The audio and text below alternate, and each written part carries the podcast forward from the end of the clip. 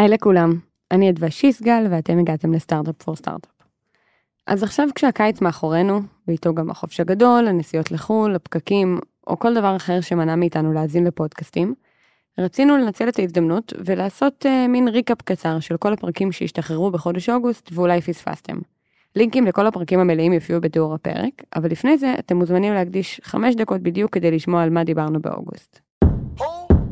Startup for startup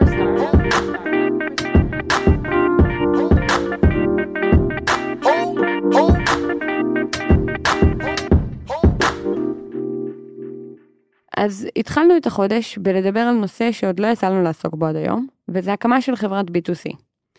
לצורך זה הזמנו אלינו את יובל קמינקה, מייסד שותף ומנכ"ל בסימפלי, שממש עד לא מזמן הייתה ג'וי-טונס, ושמענו ממנו על איך לומדים להכיר את השוק שלכם כשנמצאים רחוק ממנו, מה המודל העסקי של חברת B2C, ואיך יודעים באיזה שוק כדאי להתחיל להתמקד.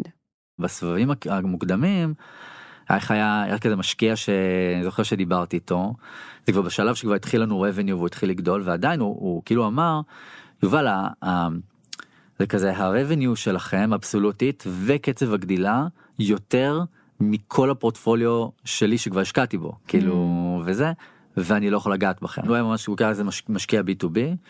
אה, וכאלה היום אני רוצה להאמין אני שומע אנחנו אנחנו ועוד ויש עוד כמה חברות בארץ אה, טובות אה, שמשמשים נכנסים למשקיעים עושים pattern recognition כן הם עושים כאילו מחפשים את ה... מה מעיד על, ה... על ההצלחה קדימה אז אנחנו נכנסים לפאטרן recognition של של כזה של ה-earlier stages. אה האמת היא כאילו אפשר לעשות b2c בארץ שמגיע לסקיילים כבר משמעותיים וכזה יכול להנפיק וכאילו הדברים האלה הם. הם, הם, זה כבר עובד. בהמשך, דיברנו על מה יכול לעשות מנהל שמבין שהצוות שלו לא מרוצה בעבודה, ואיך אפשר לקחת את האתגר הזה ולהפוך אותו להזדמנות. ובעצם אני פותח את הסקר אה, ואנחנו מתחילים ואני מתחיל להסתכל על המספרים והמספרים אה, לא נראים טוב. אה, ומה זה אומר? יש לנו את השאלה המרכזית שאנחנו שואלים כמה אתה מאושר בעבודה בחברה והציון של הצוות שלי הוא ציון נמוך במשהו כמו 10 נקודות מתחת לציון של החברה. וואו. אני חושב שהדבר הראשון שעלה לי לראש זה, ואולי זה קצת לא נחמד להגיד, זה כזה אוקיי בואו נחפש תירוצים, מה התירוצים שאני יכול לשים על זה הדבר הראשון שעולה.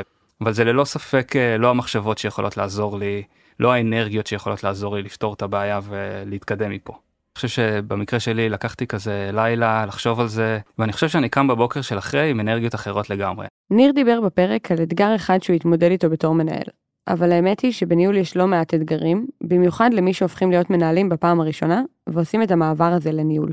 על האתגרים שמגיעים עם המעבר הזה, וגם על חלק מהדברים שאנחנו מצאנו כדי להתמודד איתם, דיברנו בפרק 173. אני זוכר שממש אצלי זה היה כאילו הפער הזה של, נגיד, לייצר שפה משותפת. זה משהו שכאילו, לא חשב, לא, זה בכלל לא היה לי ב mindset שאני צריך כאילו להבין איך אני עכשיו כאילו מתמרץ או גורם או, או, או מניע אנשים אחרים בצוות ושזה לא, שזה לא מה שמניע אותי בכלל, כאילו, זה, זה לא היה לי בכלל בחשיבה. וזה היה משהו שלקח לי המון זמן uh, to overcome. את הפרק הבא באוגוסט רצינו להקדיש לשאלה שראינו שעולה לא מעט פעמים בקהילה שלנו. איך נראית הקמה של חברה שפונה קודם כל לשוק הישראלי? אז לצורך העניין, הבאנו אלינו לחדר הפודקאסט את ליאור וילצ'ינסקי ורמי גבאי, המייסדים של מורנינג של חשבונית ירוקה, כדי לדבר בדיוק על זה, איך מקימים ומצמיחים סטארט-אפ שפונה לשוק הישראלי. היה לנו חשוב, אה, הכי חשוב, לבנות מוצר מעולה, שאנשים ממש יאהבו להשתמש בו, שהוא יעזור, יקל על החיים שלהם, ובשביל זה עשינו את זה כאן, כי כאן אנחנו מכירים את הכאבים, זה באמת בא מתוך הכאב האישי שלנו. וידענו איך לפתור את זה. ידענו מה צריך לעשות. אני לא מכירה את, uh, את העצמאים בארצות הברית, אני לא יודעת איך הם מתנהלים, מה הם חווים. Uh, אני יכולה לבדוק את הרגולציה, אני יכולה לבדוק את החוקים היבשים, אבל אני לא ארגיש באמת מה הם צריכים ומה הם חווים. זהו, אז זה מה שהיה לנו באוגוסט ולא רצינו שתפסידו. לינקים לכל אחד מהפרקים אפשר למצוא בתיאור הפרק באפליקציה שאתם מאזינים בה ממש עכשיו. או שאתם יכולים פשוט לגלול קצת למטה ברשימת הפרקים. נשמח לשמוע מה חשבתם על הפרקים באתר שלנו או בקהילה, שם אתם גם כמובן מוזמנים לשאול כל שאלה שעולה לכם. תודה שהאזנתם. startup for startup for startup for startup.